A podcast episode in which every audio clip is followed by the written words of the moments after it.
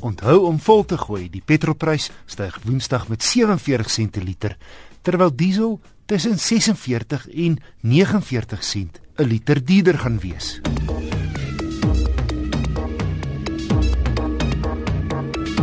Suzuki se kleinste en goedkoopste, die Celerio, se pryse begin by 110 000 rand. Ek het die duurder GL model gery, net onder 125 000. Die Celerio gaan nie pryse wen vir sy voorkoms buite nie. Kyk, dis nou nie dat hy lelik is nie, alles behalwe. Hy's net redelik konservatief gestyl aan die buitekant. Groter is die Alto wat hy vervang, 10 cm langer en 7 cm hoër, so 'n groter bagasiebak en meer hoofruimte as die Alto. Ek as 'n lang ou kan agter myself sit. Goed my knieë raak die bank voor en my kop net nie die dak, maar ek pas in. En dis nogal verbasend as jy hierdie Suzuki se buiteafmetings in ag neem. Regwaar 'n kwessie van baie spasie vir so 'n biksie.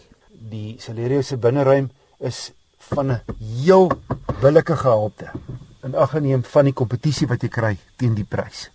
Net een ding het gepla op hierdie toetsmodel wanneer die hoofligte aangeskakel is en jy die flikkerlig na links aansit, het die hoë straal ligte, soos aan Engels gesê word brights, outomaties aangekom. En dit was 'n lastigheid, want ek het noodwendig die aankomende verkeer in die nag op die manier gepla. Dis natuurlik 'n fout wat maklik reggestel kan word, maar tog eienaardig op 'n voertuig met net 2200 km op die klok. Net 'n 3-silinder 1000 cc onder die engine kap.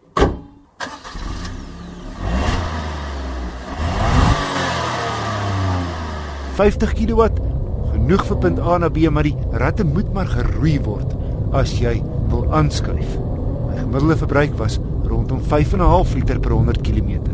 Hy het 'n heerlike stuurwiel, baie lekker ratskakeling en al die knoppe en skakelaars is lekker verbruikersvriendelik en 'n heel mooi uitleg die paneelbord. Hier's eintlik niks om nie van te hou in hierdie klein Suzuki nie.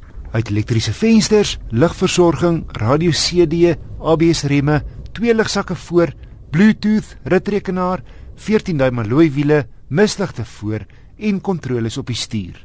Kortom, teen onder 125 000 rand is die Suzuki Celerio GL een van die beste waardeproposisies in sy klas. Range Rover se aantreklike sport trek sterk op die volgrootte Range Rover, maar soos die naam aandui, is die Sportnuts meer atleties en effens kleiner as die groot vlaggenskap. Ek het een van die dierder modelle getoets, die SDV8 HSE Dynamic met 'n V8 turbo diesel teen wel literlike huiseprys net onder 'n miljoen en 'n half. Range Rover sê sy nuwe sport is 'n volle 400 kg ligter as sy voorganger Hy het ook vermervering en daar's elektroniese hulpmiddels met die gevolg nie jy sprake van bakrol om vinnige draaie nie. Terselfdertyd is die ritgehalte verbasend goed. Boonop ook besonder bedrywe in die veld. Vierwielaandrywing met laastrek, ligvering, hy kan deur water ry van byna 'n meter en hy spog met bo-gemiddelde wielartikulasie en grondvryhoogte. Soos verwag teen die prys, baie luks toegerus.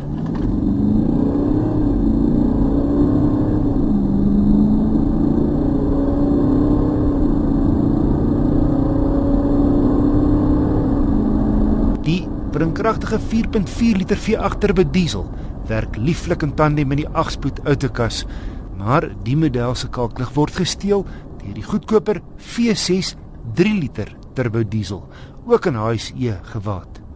Ja laasgenoemde is heelwat kleiner maar hy lewer net 14% minder kilowatt 215 teenoor die V8 se 240 en net 19% minder wringkrag 600 Newtonmeter teenoor die V8 se 740.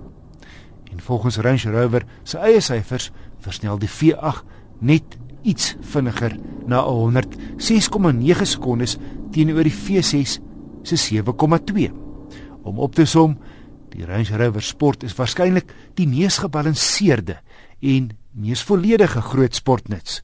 Maar die goedkoper 3 liter turbo diesels wat darm teen onder 'n miljoen begin, maak meer sin as die V8 toetsmodel.